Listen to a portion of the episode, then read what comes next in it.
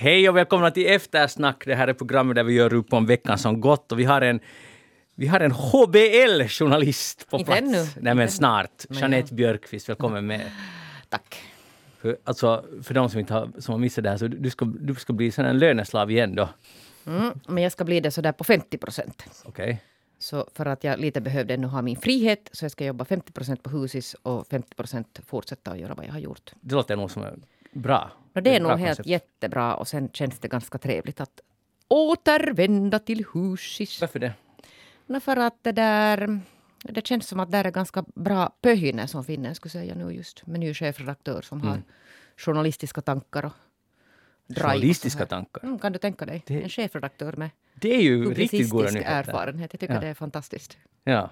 Och du blir nu en del av det. Ja, När ska du börja? första i elfte. Okej. Nej, men som jag s- skrev så det blir ännu roligare än tidigare att betala för HBL. Ja, det är bra. Ja. Nej, men grattis. Tack. Och, och du, är, du har inga sådana, eh, vad heter, på engelska ska man säga second thoughts, men vad heter det? Eh, eh, Hör du, det där... heter det på? Mischa? Jo, Jag grubblar. Låt Jeanette tala färdigt först. tvivel. Tvivel, säga? ja. Du har inget tvivel. Det där, jag har nu diskuterat ganska mycket med den här Erja Yläjärvi som är alltså ny chefredaktör och jag har absolut inte ett uns av tvivel. Hon är jättebra. Okej, och den vikt, egentligen ännu viktigare än det är att några lyssnare har frågat att ska du sluta i eftersnack? Hur kommenterar du det? Vet du, jo, de har glömt bort det här att, det där, att jag jobbar ju alltså första, alltså eftersnack första tio åren parallellt på husis. Ja. Så det har nog aldrig alltså stört eftersnack. Ja, Och inte i yes. fortsättning. Och som sagt är det 50 procent. Och Jeanette fortsätter alltså här, vilket vi är glada för. Mischa Eriksson är inkallad rektorn med skägget, Det känns bra. som är lite kortare, men välkommen med Tack. i studion. Ja, ja Är jag, riktigt snygg alltså. jag, jag tackar, jag tackar. Ja, ja det, jag har nästan fått abstinensbesvär. Av- efter att, av att inte få vara här. Aha, Ja, Vi har ju setts i Barösund senast. Ja, mitten av juli. Nattsnack. på riktigt? Jaha. Ja, det är min, min, min säsongspremiär. Men välkommen Tack ska du ha. Och vi hade en fantastisk sve- finlandssvensk sån här äh, återförening här i studion när dagens tekniker Micke Andersén, som har mask på sig och det är bra, så, så plötsligt sa Mischa att är det Micke Andersén som döljer sig bakom masken? Och kan du ge lite brief oss? Ja, som sagt, jag ett, tre förstod att det är Micke Andersén som döljer sig bakom masken. Och Micke Andersén var min studerande 1991-94 när jag jobbade i Tele gymnasium. Pionjärerna som började det som då hette Spessen. Och det där, ja, jag kommer bra ihåg, det var en alldeles underbar årskurs. Och, och Micke Andersén så en av alla de studerande på klassen som gjorde ett outplånligt intryck på mig. Så det var, det var en hög morgensfaktor.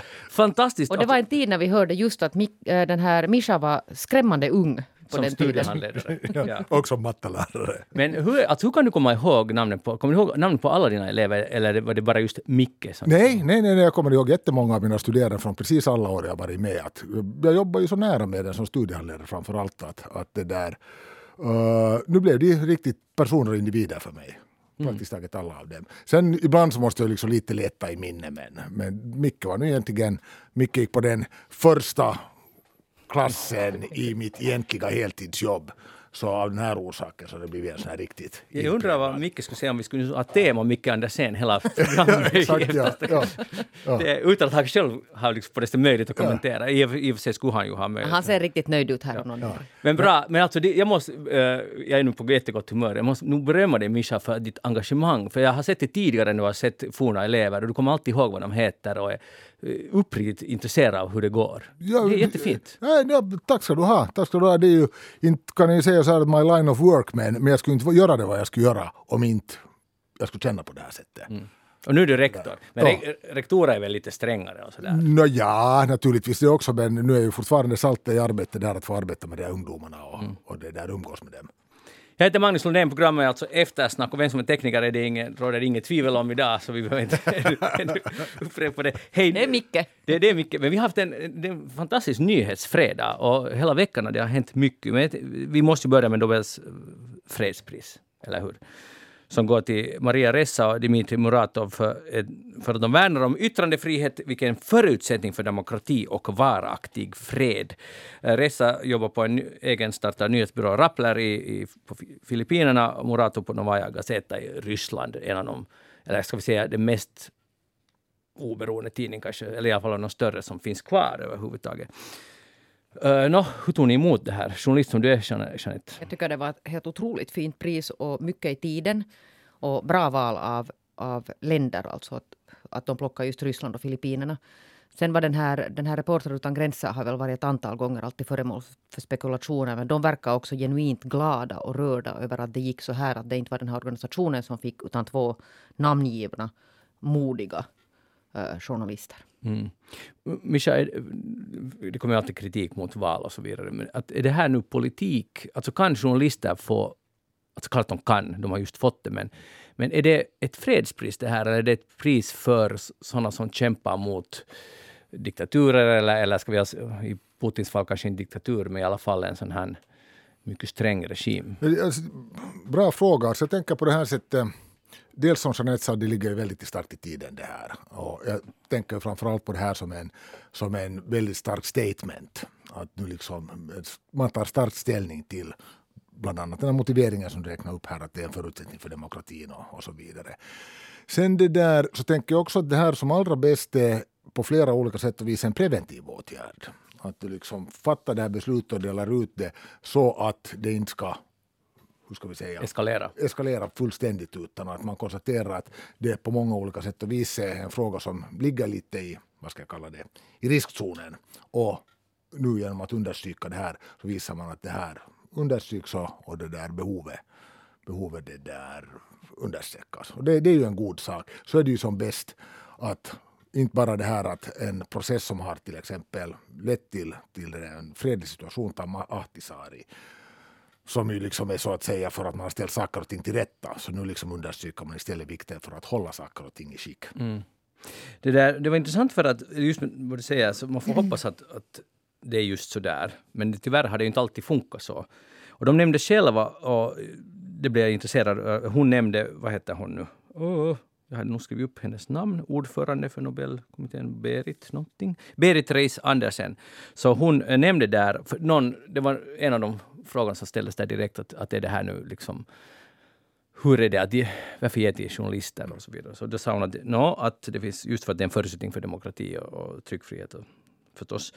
Och nu nämnde hon två tidigare äh, aktivister som har fått fredspriset. 1907 Ernesto, Ernesto Teodoro Moneta som var italiensk, eh, äh, nog nationalist och så vidare, men han jobbade för fred och, och, och så vidare. Och han fick det 1907 och vet, han slutade sen som en krigsvän nog och, och, och, så vidare. Men han hade en period då tydligen där han var hård pacifist och så vidare och han fick det då inför före första världskriget. Men den andra som hon nämnde, Karl von Ossietzky som fick det 1935.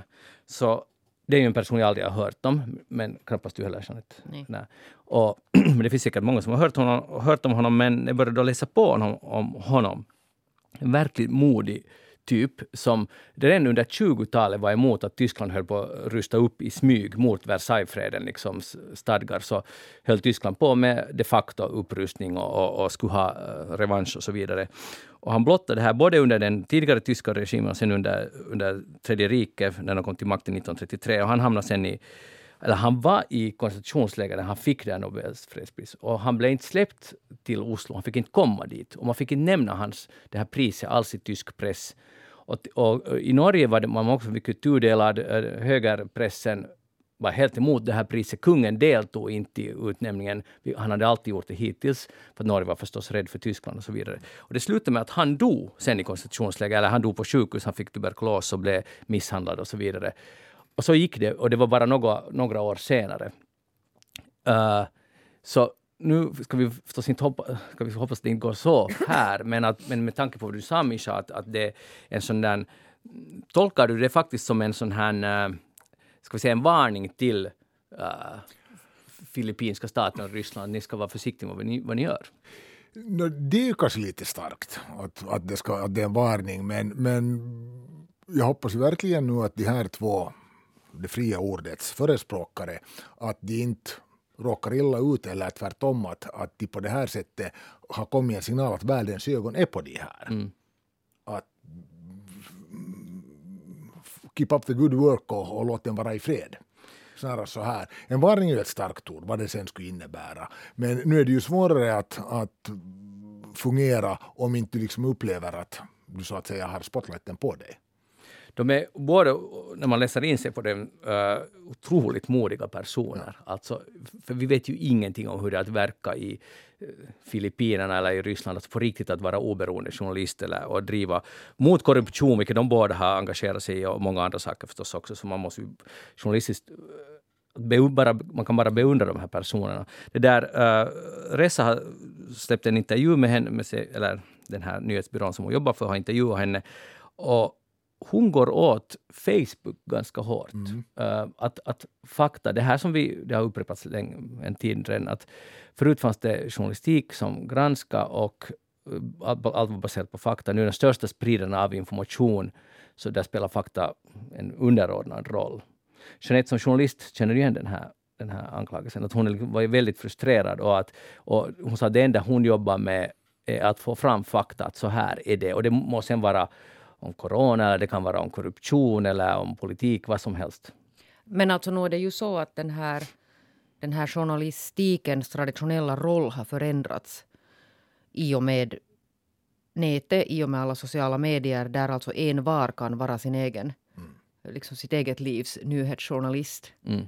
Och, och, där, där den här traditionella journalistiken då alltså med allt vad det innebär att man eftersträvar objektivitet och baserat på fakta och, och så vidare så, så det där befinner sig i någon slags sån här inte vet kris är kanske att ta i, eller no, ja, varför inte kris också.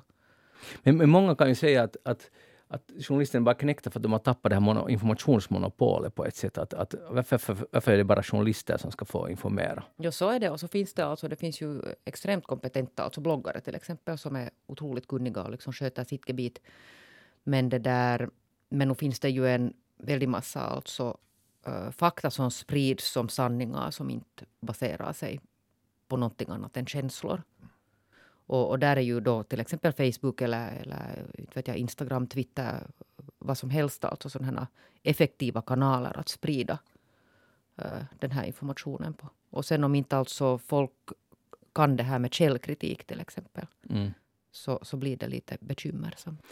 Jo, det är sen kombinerat med en, med en det där lite nojig världsbild.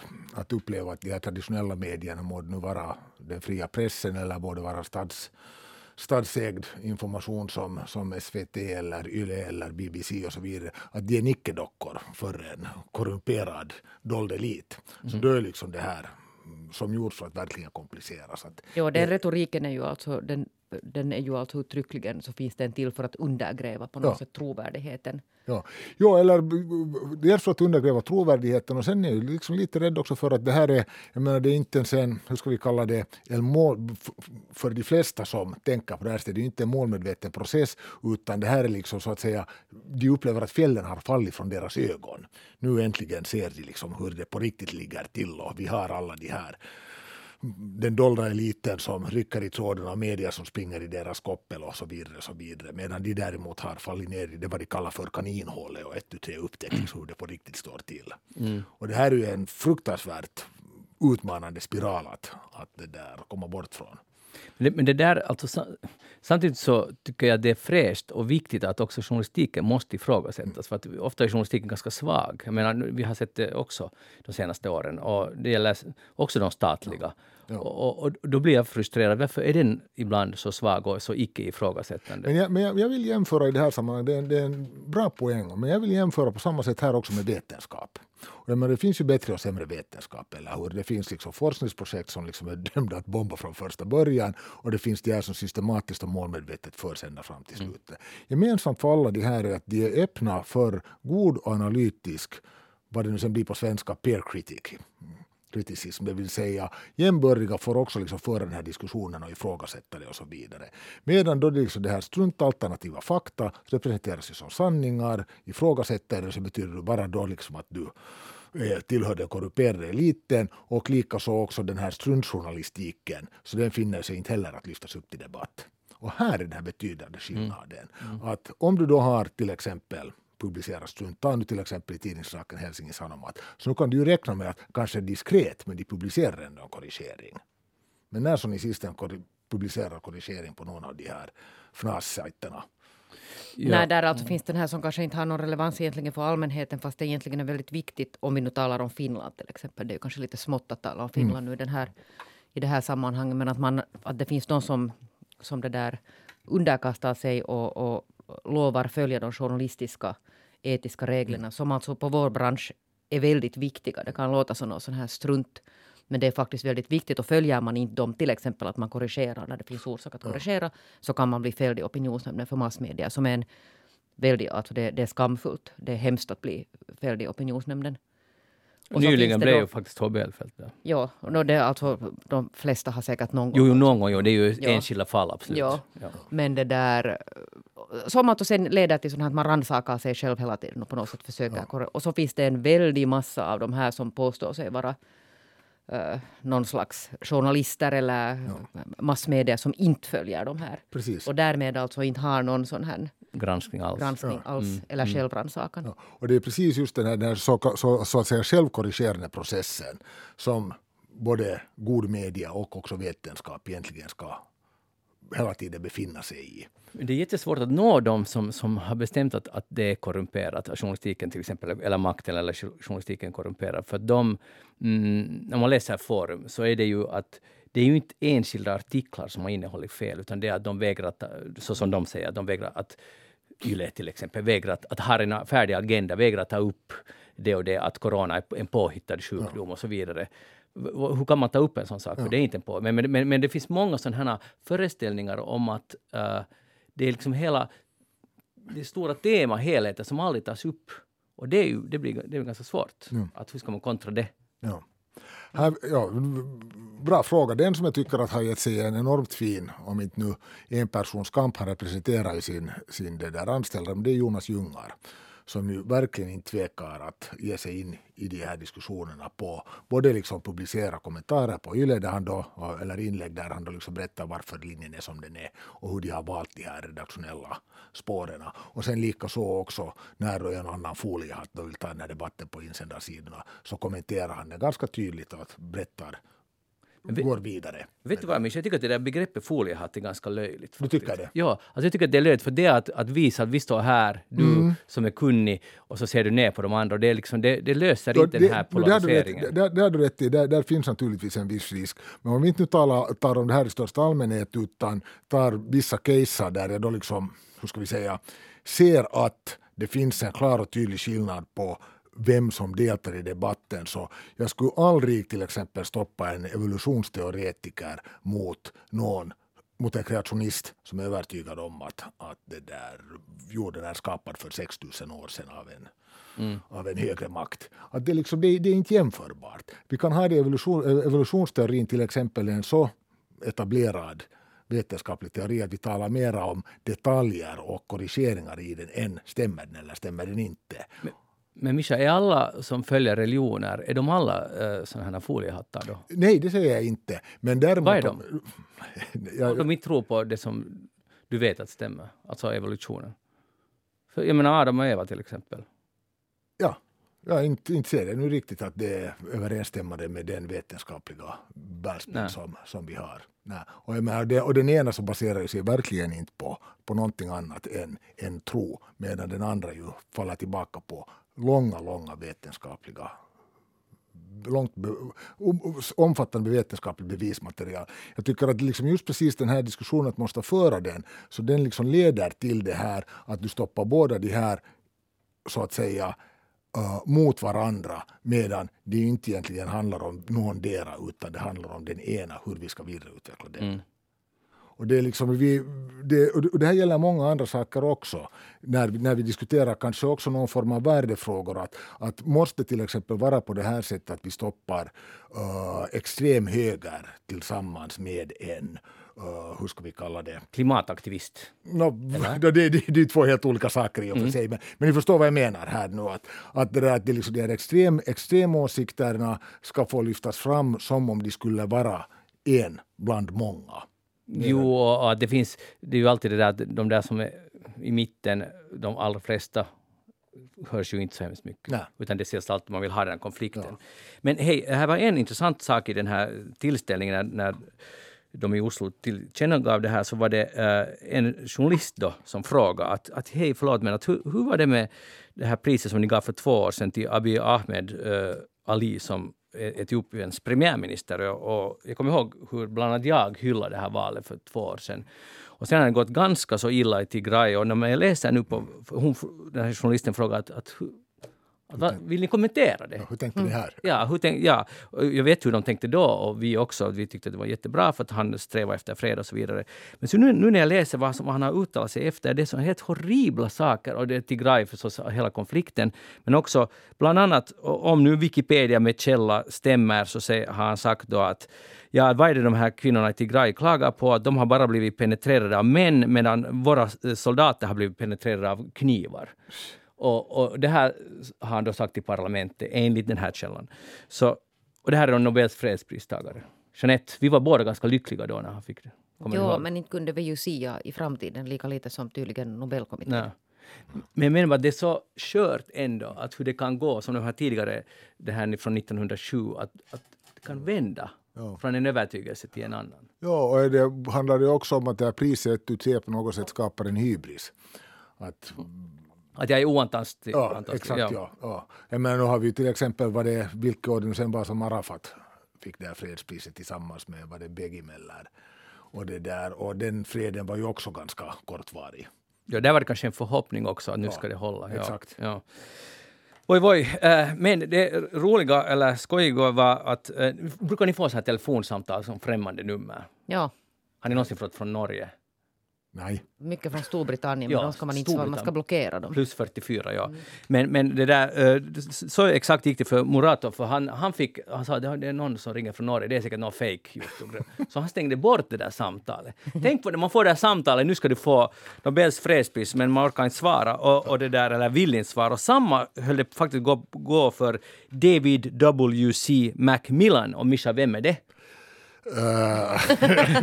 W.C. Macmillan. Han är inte någon av dina forna elever? Nej, W.C. Fields vet jag vem det är. Okej, okay, tack, tack. Uh, jag inte visste jag heller, men han fick Nobelpriset i kemi det här året. Aha, good on him. Ja, det var det molekyl det där spetsen eller vad det bra, var. Ja. Ganska bra. Tack. Tillsammans med Benjamin List. Och det var så att när han fick samtalet så var han att ah, vad är det här för strunt? Och, och sen svarade han inte och sen kom det någon nyhet och checkade han och de har, stavat, de har till och med stavat mitt namn fel, det här måste vara någon helt fake grej. Och, han, och så ringde han till sin kollega Uh, och så sa hej, vi har fått Nobelpris. Och så, och så sa den här då, David, no, det där, att jag, jag sätter Tony i vad att det här är fake grej. Godnatt. Och så stängde han av och gick och sova. Och nästa morgon så var det all over the place. Nu är han tusen dollar fattigare, men han har fått Nobels pris. Det var inte så illa det. Det var det värt. Och jag vill att vi ska hylla honom för att, vänta nu, jo, här. Det här är viktigt, det här är eftersnacks viktigaste stund någonsin. Det här, här är orsaken till att de har fått kemipriset. Många forskningsområden och industrier är beroende av kemisters förmåga att konstruera molekyler som exempelvis kan ge elastiska och hållbara material, lagra energi i batterier eller bromsa sjukdomsprocesser i kroppen. I det arbetet krävs katalysatorer. Det är ämnen som styr och driver på kemiska reaktioner utan att själva bli en del av slutprodukten. I bilar omvandlar exempelvis katalysatorer giftiga ämnen i avgaserna till ofarliga molekyler. I vår kropp finns tusentals katalysatorer i form av enzymer som mejslar fram de molekyler som behövs för att leva. Och så fortsätter det. Mm. Det verkar vara jätteviktigt.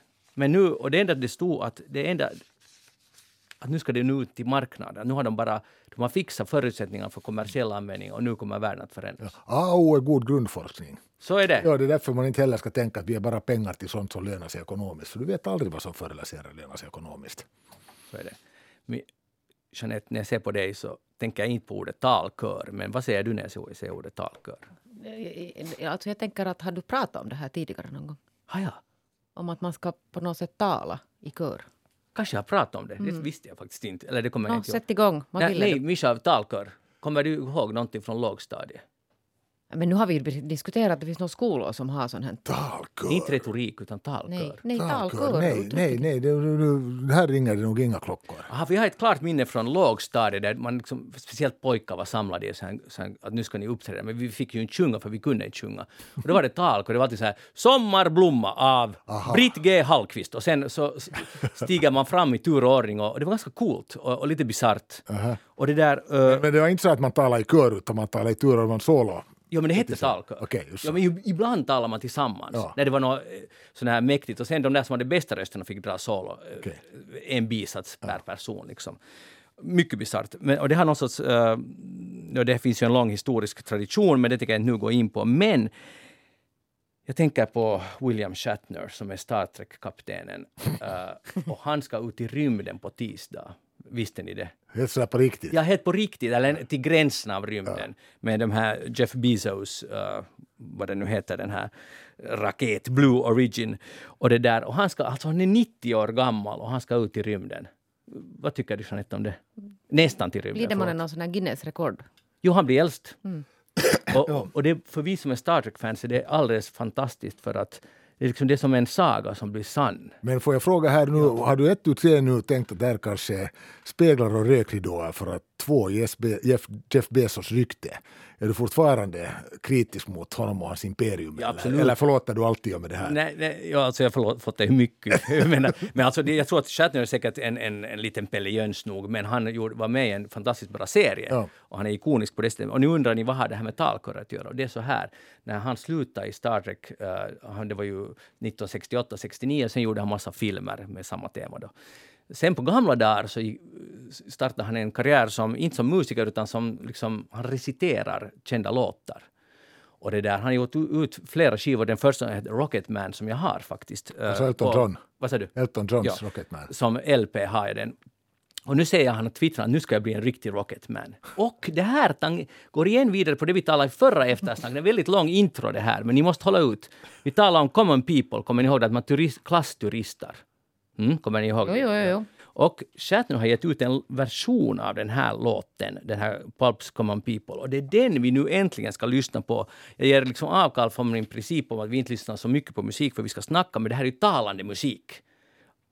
Så får vi höra Shatner citera Common People. Ja, men det är, liksom, det, det, det är större än så. Lyssna noga och lyssna på orden. She came from Greece. She had a thirst for knowledge. She studied sculpture at St. Martin's College. That's where I caught her eye. She told me that her dad was loaded. I said, In that case, I'll have a rum and Coca Cola. She said, Fine. And in 30 seconds' time, she said, I want to live like common people. I want to do whatever common people do. I want to sleep with common people. I want to sleep with common people like you. Well, what else could I do? I said, I'll see what I can do. I took her to a supermarket. I don't know why, but I had to start it somewhere. So it started there. I said, pretend you've got no money. She just laughed and said, Oh, you're so funny. I said, Yeah? Well, I can't see anyone else smiling in here. Are you sure?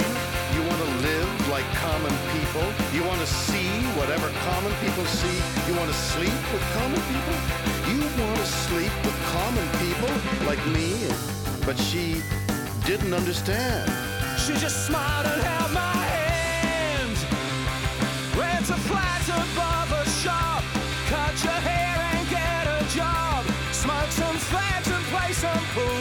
Pretend you never went to school. But still you'll never get it right. When you're lying in bed at night. Watching roaches climb the wall. If you called your dad, he could stop it all here. You'll never live like common people. You'll never do whatever common people do. You'll never fail like common people. You'll never watch your life slide out of you and dance and drink and screw because there's nothing Because else to there's nothing do. else to do. Like a dog lying in a corner, they'll bite you and never warn you. Look out. They'll tear your insides out because everybody hates a 'Cause tourist. everybody hates a tourist, especially one who thinks it's all such a laugh. Yeah, and the chip stains grease will come out in the bath. Understand, how it feels to live your to life, live your life with no with no meaning meaning or control, or control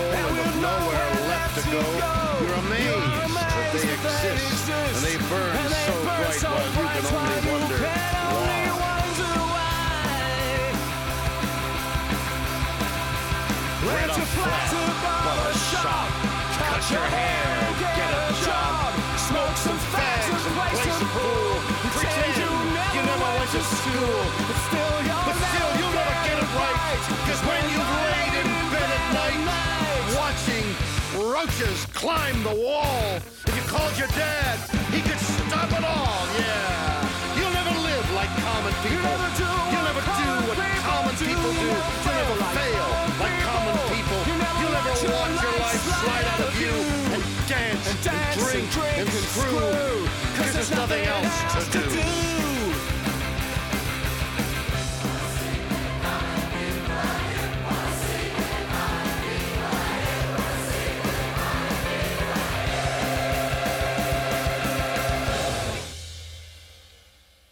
Dance and drink and screw because there's nothing else to do, Jeanette. Mm.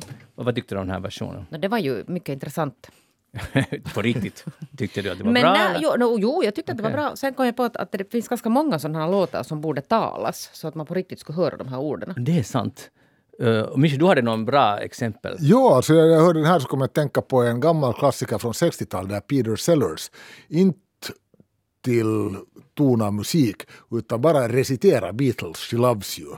Men alldeles underbar så här brittisk överklassaccent. Och den är, den är helt... Alltså den, där, den måste jag checka. Ja, jag ska, om jag hittar länken till den så kan vi sätta ut det på vår Facebook-sida till exempel. Nå bra! Ja. Och det här var musikern här, han som alltså faktiskt också sjöng var Joe Jackson, bara så att ni vet. Jeanette Björkis, vad har du tänkt på den här veckan? No, hör du, det var så att det där att jag såg där utanför oss så sprang det en massa sådana här, sådana här gubbar igen med sina lövblåsare. Och den här lövblåsarna har egentligen aldrig på det sättet väckt sådana stora passioner. Alltså jag tycker, kan tycka att de är lite onödiga. Men Så blev jag på något sätt och funderade en sån här dag att, att jag var lite filosofisk.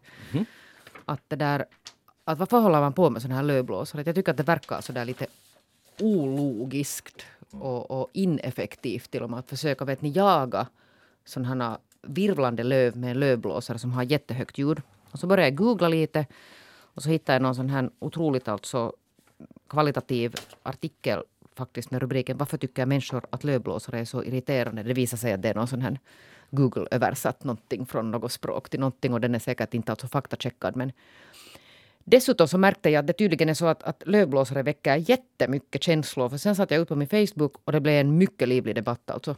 Det finns människor som faktiskt hatar, alltså hatar lövblåsare. Och så finns det människor som tycker att de är jättebra.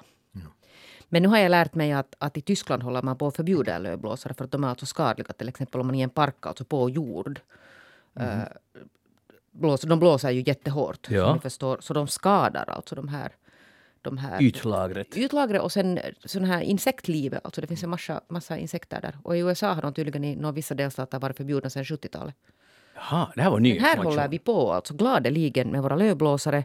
För att jag har alltid undrat där att varför kan man inte ha lövsugare då? Att vara den här att man ska blåsa först löv i en hög och sen hoppas att den där högen hålls där och så kommer det en virvelvind och sprider ut de här löven igen. Istället för att alltså helt enkelt bara suga bort Men dem. vet du hur enorma säckar man skulle måste ha? Jag tror att det funkar så i alla fall. Jag såg nämligen idag en. Och då, jag, hade, jag har så här lätt irritation mot det. Men, men jag, vi kan gå in på det sen. Men alltså där, där funkar det så, där vi bodde, att de uh, blåser ut det i så att säga rännstenen och då kommer det sen någon bil och samlar upp de här löven. Alltså det är allt mycket systematiserat och institu institutionaliserat. Att det liksom funkar på ett visst sätt. Uh, det, det skulle jag säga är en, en orsak. Ja, För tänk så mycket volym det är i löv. Det är så mycket luft däremellan. Ja, men jag har nog också det där botaniserat i det här, alltså lövblåsare och lövsugare. Det finns tydligen några sådana här apparater som har någon sån här, vet ni, sån här de har någon sån här hacksystem inne i den här påsen så den hackar ner Va? de här löven. Så det blir lite effektivt. Det ryms alltså mera. Bra mänskligheten. Det där var ju jättebra. Ja. Mischa, vad har du för förhållande till lövblåsare? Nej. Eller sugare? Det där... Du måste ta ställning nu, Jo, jo, Mischa. nej, absolut, nej, jag, jag, jag är inte absolut för. Jag Aha, han är lite för. Nej, Han nej, nej jag, inte jag, jag det. sa det, jag är inte absolut för. Alltså, jag känner lite på det här sättet att det skulle kunna vara, hur ska vi säga, ett, ett ganska senbetonat arbete. Att, Nej, det är att, det Att, nej, inte. att, att borsta löv, inte att Kratta blåsa. heter. Kratta, Nej, kratta eller borsta på Eller borsta, precis, asfalt. jag kvastar också som du. Ja, okej, precis. just, ja. Det och här är, om jag nu liksom får bara liksom lite så här, hur ska vi säga, flosklig, så på något sätt är det liksom en lite överdriven eff- effektivitetstänk här. Att nu ska den här löven fort bort och så vidare. Att varför inte här i essen då bara liksom i lugn och ro borsta och kratta bort dem och ha liksom en sån här fridfull process här. Nå, nu fanns det sen dessutom Mm. sakkunniga som sa att, det inte ens, att, att man borde inte ens alltid så ivrigt ta bort de där löven. det är sen en helt annan femma, men det beror väl också på, snackar vi parker eller gator? Men, men det var jag kanske minst av allt kan förstå är om du i ditt eget privata, säg din egen privata trädgård på din egen privata tid vill använda den här lövblåsaren. Att om du då har liksom en Mannerheimvägen som fort måste putsas bort från löven så att det inte fastnar i spårvagnsskenorna och så vidare så må gå. Att då liksom kräver det lite effektivitetstänk. Men det här att du inte ska ta den där lilla, lilla timeouten och i lugn och ro kratta dina löv på din egen gård utan det måste blåsas bort så du sen ska ha bråttom till något annat. Det, Det stöder du inte. Nej. Och jag måste erkänna, jag, jag, liksom, jag, jag har en sån där, jag är på något sätt negativt inställd. Jag är men, också. men jag skäms för den, för jag tänker att det är sån här klassgrej. Mm. För när jag ser dem där så tänker jag att vitsi, att kan ni nu inte fan kratta de där löven? Och Alltså, vilket jag ju då gör till exempel på landet själv, men det är en helt annan sak. Men att, att det, för det första för massa oväsen, det går åt eh, diesel, antar jag de går på.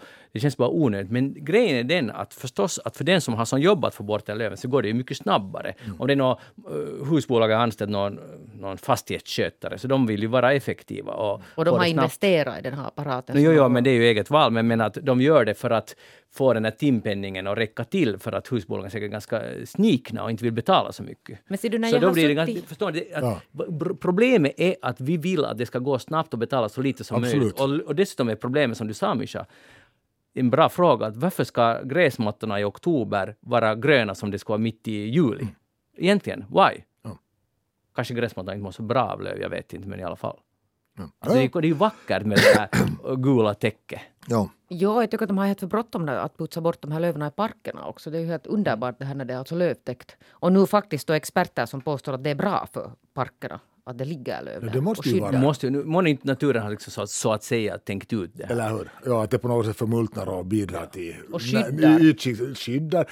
För att inte tala om igelkottarna. Jaha, va? Berätta. igelkottarna kryper ihop i lövhögar och sånt här. Att Är det- det någon gömmer sig? Nej, när det övervintrar och sånt. Jag vet ingenting om igelkottar. Ja, alltså det, alltså det, är ju, det är ju en av de stora problemen att igelkottarna inte har övervintringsplatser. Och det har bland annat just med sånt här att göra. Nej, vet ni, nu får man sluta blåsa Jo, bort jag de är här helt löven. emot lövblåsare. Ja. Igelkottarna måste skyddas. Ja. Att det- Tack för den här... De som har överlevt de här robotgräsklipparna som slicear dem.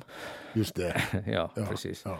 Mm, Okej, så... så Nu är vi emot lövblåsare. Kan vi nu bilda ja, ja, ja, ja, jag tycker det känns inte, det känns inte riktigt 2021 när vi annars börjar bli ganska medvetna om allt möjligt.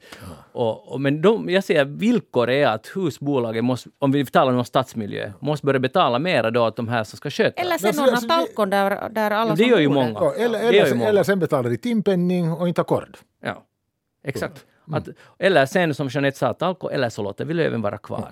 Vi, alltså, vi är konsensus. Ja. Fantastiskt. Tack eh, Jeanette för det här. Mischa Eriksson, rektor. Vad har du tänkt på den här veckan? Båtar och vinterförvaring. Ah, det kan jag tänka mig att du har tänkt på. Ja, båtar och vinterförvaring. Och det som egentligen triggade det här var att, jag vet inte om jag läser, men det är ju en Uh, det stormar ju lite i det där i Esbo nu när uh, metrostationerna snart ska börja öppna och vi har en bland annat i Finno och ett stenkast från den här metrostationen i Finno så finns det en jättestor småbåtshamn.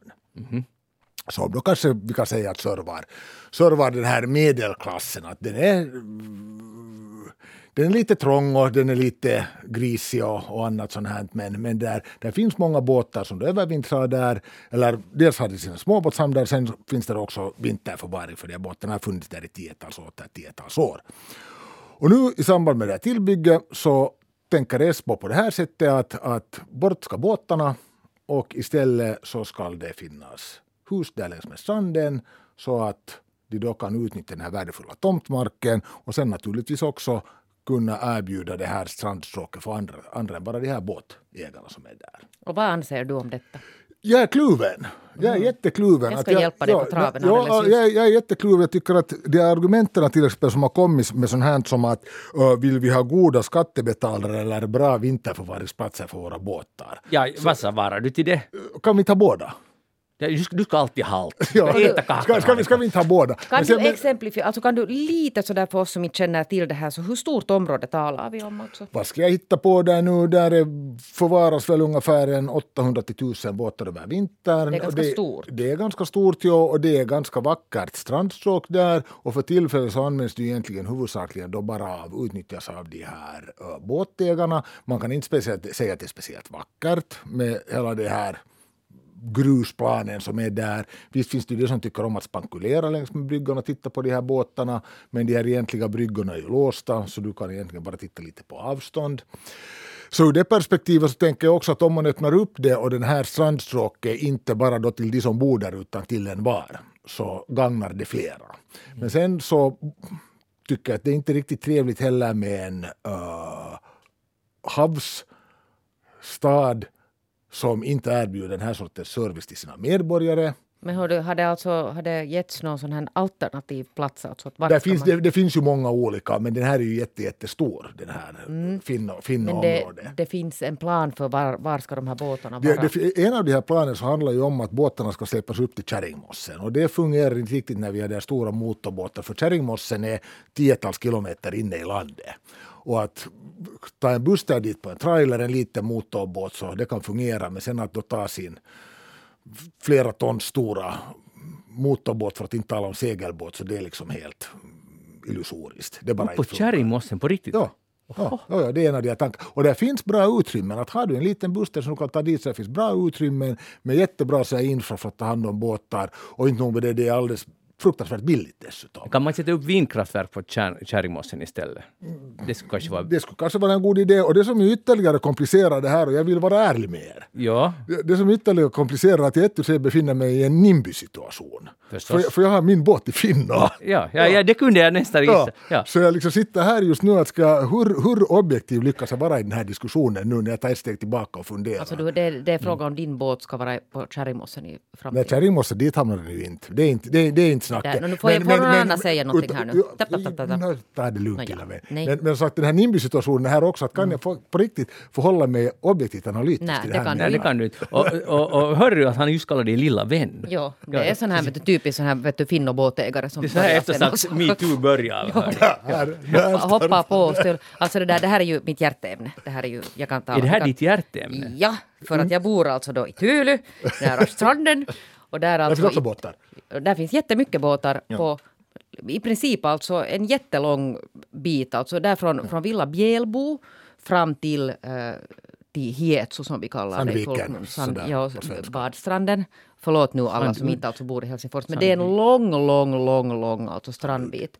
Och där på den så ryms bland annat två stora båtförvaringsplatser, alltså vinterförvaringsplatser.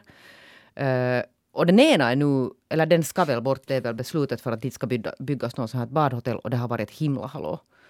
Men det där båtförvaringsplatser, Mischa Eriksson, är sådana här döda utrymmen. Alltså det är sådana döda utrymmen som är verkligen alltså inte 2021 vid stränder. För att, för att de är döda på, på vintern när där ligger båtar och tar upp alltså för rekreations, ur rekreationssyften, alltså fina områden. Och de är döda områden på sommaren för att då är de tomma och otillgängliga alltså för de flesta. Så det där, jag tycker att det, och jag förstår sen, sen kommer det jättemycket protester. Det har varit tal om att flytta, flytta diverse andra sådana båtförvaringsplatser också i Helsingfors. Eh, Så börjar man protestera att det, det känns meningslöst att frakta båtar då. Till exempel den här själva frakttrafiken till exempel från, från vissa uddar Mm. börjar belasta sig. Men jag måste nog säga att jag tycker inte att det känns sådär där eh, liksom stadskultur men- mässigt du- jättemodernt. Nej, men nu, det är just kultur och stadskultur, för det här, det här, är ju- det här är lite Malms flygfält i miniatyr. det här. För att det är ju också en, en vad ska vi säga, tradition och kulturfråga, just en kulturfråga, för att Esbo är trots allt en, en skärgårdskommun. Och, och det, till det hör båtar, och folk måste ha sina båtar någonstans. Och det är inte alls bara frågan om skrytbåtar, utan det kan vara vad som helst från en liten eka till säkert en eh, muskelbåt eller vad som helst. Men i alla fall så, jag är inte lika som du riktigt Jeanette. Jag tycker att det hör till uh, på ett sätt till stadsbilden när vi nu råkar bo i de här, st- Helsingfors och Esbo råkar vara havsstäder. Jo, Och men en jag tycker till exempel där i Tölö tycker jag inte att man behöver ha två förvaringsplatser på en jättekort bit. Jag kan Ja. låta den ena vara kvar och den andra ska bort. Nu måste vi låta Mischa... Ska bort. Ja, Okej. men, men, men samtidigt en av de starka argumenten som, jag också, som de här båtfolket har lyft fram är ju det här att, att det här är ju en service som på riktigt når nu, ska vi säga det här medelklassbåtfolket. Och det, det är ju liksom lite, lite där, om inte nu heimlaga, men det är ju verkligen inte ano enorma svindyra muskelbåtar som är där och de ligger ganska skavfötters. Och det här området är ju inte heller liksom ett sånt direkt deluxe-område med en mm, punschpaviljong där. Men det kommer att bli en sån. Och om man bygger ut det så kommer det bli för, för en viss samhällsklass. Exakt. Och då, liksom, och, tycker- då, och då betyder det här att, att ska då den här, som du sa, i och för sig väldigt trevliga hobbyn och samtidigt också hobbyn som hör hemma där, ska den liksom nu se, om inte nu elitiseras, men försvåras. Men man har, ju, man har ju fortfarande de här båtklubbarna och bryggorna kvar. Men att, att var ska de här... Men det, men det, jag men, att men det är de som är lite också. dyrare. Det här är ju inte en båtklubb utan det här är Esbo stads bryggor. Jo men förstår du att sen när du vill sätta din båt i, du har säkert en bryggplats till exempel. Ja, men där. den är också där just det, det är Esbo stad som bjuder på den. Det är inte en båtklubb. Jag är inte Det här är för Nej men, nej, men alltså, förstår ni, alltså jag talar inte om båtklubb menar jag inte att det är någon sån här elitistisk utan vanligtvis alltså om man har sin båt där så brukar det finnas en förening där som snurrar den här. Ja, och men, det fin, men det finns inte här. Nej, där, är, där är Esbo stad.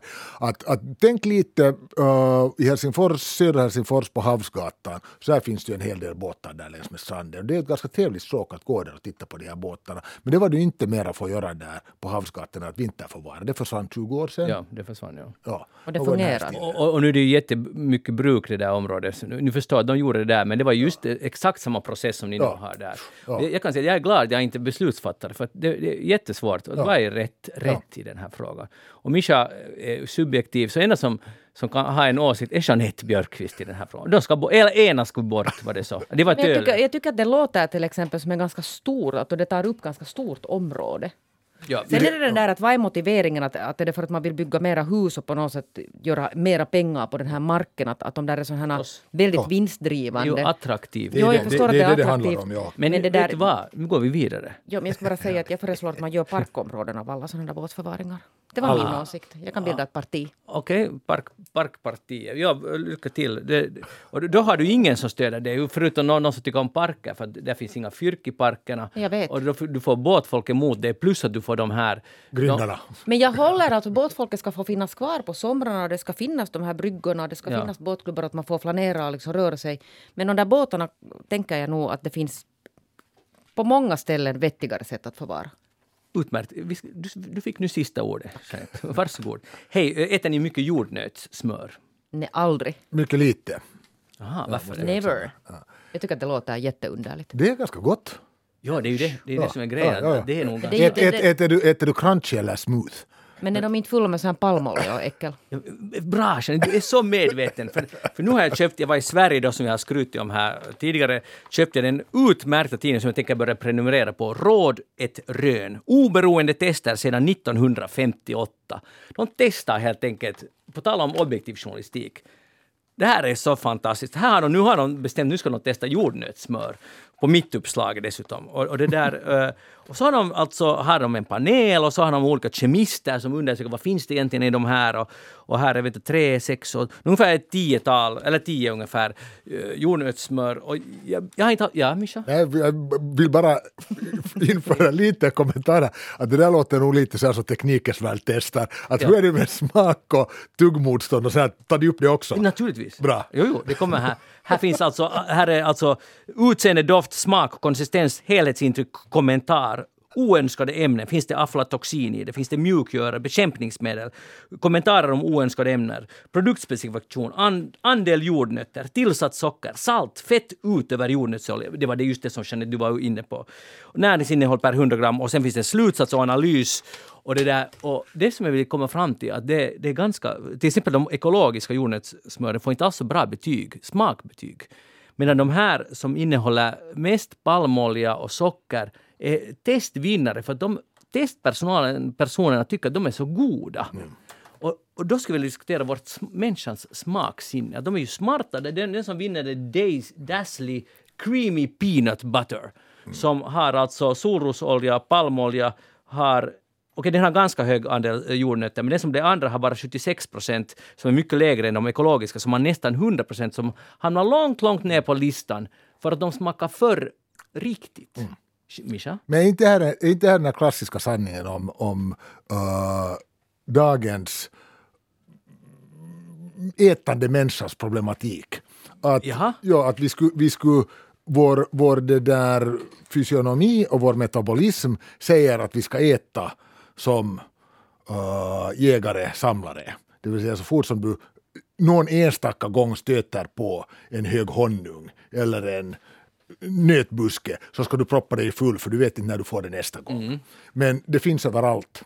Så i princip så ska, ska du hålla på att smeta i dig det där honungsboet varje dag. Ja. I tre gånger, tre, tre, trefaldigt. Och buffébordet är ett utmärkt exempel. Exakt, ja. Så, så det här är ju konflikten, eller hur? Ja. Ja, att vi äter som om vi skulle hela tiden vara på spaning, spaning efter mat som inte riktigt finns. Men, men, Men, men det jag, finns fast hur mycket som helst. Men jag, liksom, jag, blir, jag blir hemskt upprörd, för här är nu ICAs jordnötssmör som innehåller blott 76 procent, eh, som har solrosolja, fullhärdad palmolja, dessutom lite glyf, glyfosat i sig och, och, och, och så vidare. Det där är insektivt det. Och, och de blir, ja alltså här finns jättemycket konstiga saker i de här, också faktiskt bland de ekologiska, men ICAs eh, får bäst i smak. Den har minst jordnöt, men den är godast. Och hur är vi så här manipulerade? Är det, eh, Jeanette? Manipulerad till vad? Men att vi tycker om det som är fake. Det är Det inte måste riktigt... du svara på för jag äter inte det där Ah, jordnötssmöret. okay. Men Alltså det är igen att det, man, man sätter då säkert medvetet så att det, nu ska det smaka gott Sött. Ja. och lite sött. Tu- och lite, Naturligtvis. Ja, ja.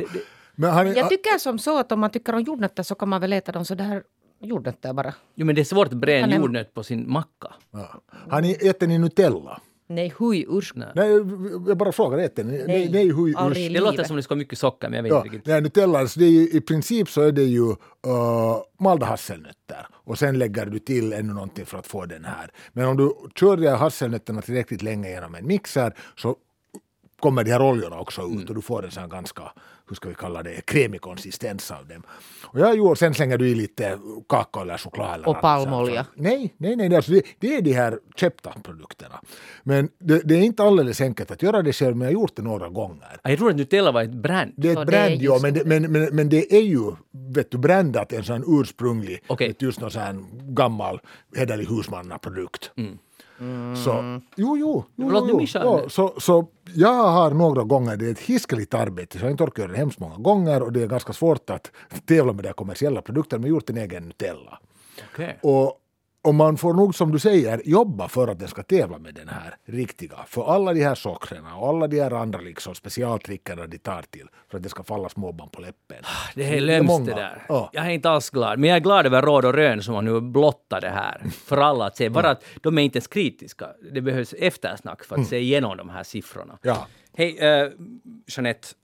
Nu vill jag, det här är ett experiment och jag behöver din ärliga kommentar. Nu får du en present av mig. Det är en Den penna. ser jättefin ut. Ja, och om jag skulle dela ut den här, ge den här till vad skulle du säga? Varsågod. Oj, den här är jättefin. Varför det? Det står Magnus Lundén på den. Ja. Varför fick inte jag en? För Vi att har den bara en. Jag tog den här nu. Du, nej, du får inte den. Men jag tog den. Det- Jag lurades. För att jag har fått ett brev Du sa att igår. jag fick den, alla hörde. Sa, men sa att det var ett experiment. Det antyder att det är inte helt säkert. Ja, nu förstår, men vet du, jag har någon gång gått på en sån här och beställt också en penna med mitt eget namn. Eller var det så att de skickade en sån här gratis och så skulle man beställa flera? Jo, för jag fick i posten igår från ett företag vars namn jag inte tänker säga här. Det här är fin och, penna. Och jag började gapskratta när jag fick, när jag fick den här pennan. Och, Får du den tillbaka? Nej, okej, snälla. ja, att, att här står med enorma bokstäver Magnus Londén på. Nu, nu har jag då ett erbjudande att köpa 500 sådana här och om jag gör det så får jag 500 gratis. Jag började fundera att, att tänker de nu att, att man är ganska rel- relativt sådär narcissistisk lagd om man delar ut tusen pennor med sitt eget namn Men om du skulle vara politiker, alltså det är sån här reklam, förstår Du du? måste, du måste känna Borde nu, Mag- du måste tänka nu Magnus att det är inte ditt namn, det är ditt brand. Det, men ändå. Ditt brand Magnus Londén. Men Det alltså, skulle ju vara Du har ju skrivit, du har ju skrivit en bok om konsultskap, det här ska du ju kunna. ja, du, du har rätt. Du, du tycker att det är en god idé det här? Eller hur? Jeanette, Det blir alltså den där dumma det där att man tänker att du äger den där. Att om jag tar den där nu av mig så känns det ju som att jag har din penna eftersom det står ditt namn på den. eller du är jättestort fan. Eller det. Alltså jag gick in i den här diskussionen Vilket med... alltså inte är fallet. Nej, nej, precis. Jag gick, det vet vi.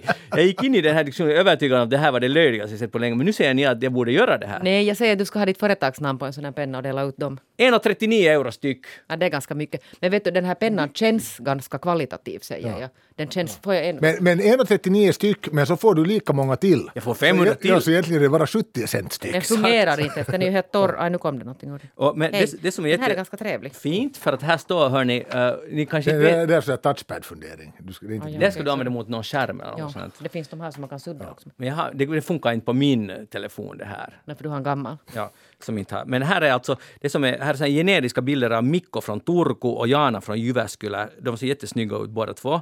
Jag skulle nästan gissa att de inte heter Mikko och Jana. Men, men Jana säger att, att, att med de här pennorna så kan man inte misslyckas. För att eh, de är moderna och alltid nyttiga. Och Mikko säger att, att ja, tack vare de här pennorna har jag fått massor av nya kunder. Så Men vill du ha nya kunder som Magnus Lundén eller tänker du mer att företaget skulle vara betjänt av flera jag tänker kunder? nu på, just på, jag, jag kan förstå företag, jag tänker på, bara på mitt liksom, Magnus Lundén. Ditt Ja. brand. Men, men Mischa, om du skulle som rektor dela ut Mikael Eriksson. Mischa. Eriksson. Mi- kanske. förlåt, Mischa Eriksson. Eriksson. Du- Ja. ja, varför inte säger jag. Där blev han fast! Och Jeanette, du då? Nej, Inte? Nej. Du skulle tycka det är lite jag pinsamt. tycker det är jättepinsamt. Hej, idag är det Kärpet, IFK Kärpet. Vem vinner Mischa? Kärpät. Kärpät. Ja. Var det inte så att du tycker om dem? Jo, Ja. jo, jo, men ni får nog se- säga emot. Nej, nej, nu, nu känner jag det. IFK det har varit lite motslut för den på sista tiden. Jag Det- det där du jag, från tycker, jag tycker de borde ha lite satsa på din backlinje. Mischa vet då ingenting om hockey och Jeanette vet knappast heller, men jag tror också att Kärpet kommer att ta det. Det blir, det blir en fröjd för ögat. En Ef- sorg för ögat. Ja, eftersnacket är slut för idag. Jeanette, det var, det var jätteroligt att du var här och ja, lycka till. Du Och ska, nästa vecka ses vi igen då. ja, det, det finns risk för det. Mischa Eriksson, när ses vi nästa gång? Det är någon gång i december. Det går alltid alldeles för fort de här timmarna. Det var ju också när vi hade så bra musik den här gången. Micke Eftersnack, Andersen. och Micke Andersen var alltså tekniker idag. Jag heter Magnus Lundén, programmet är slut för idag. Vi hörs igen om en vecka. Ha det bra! Hej Ha det bra.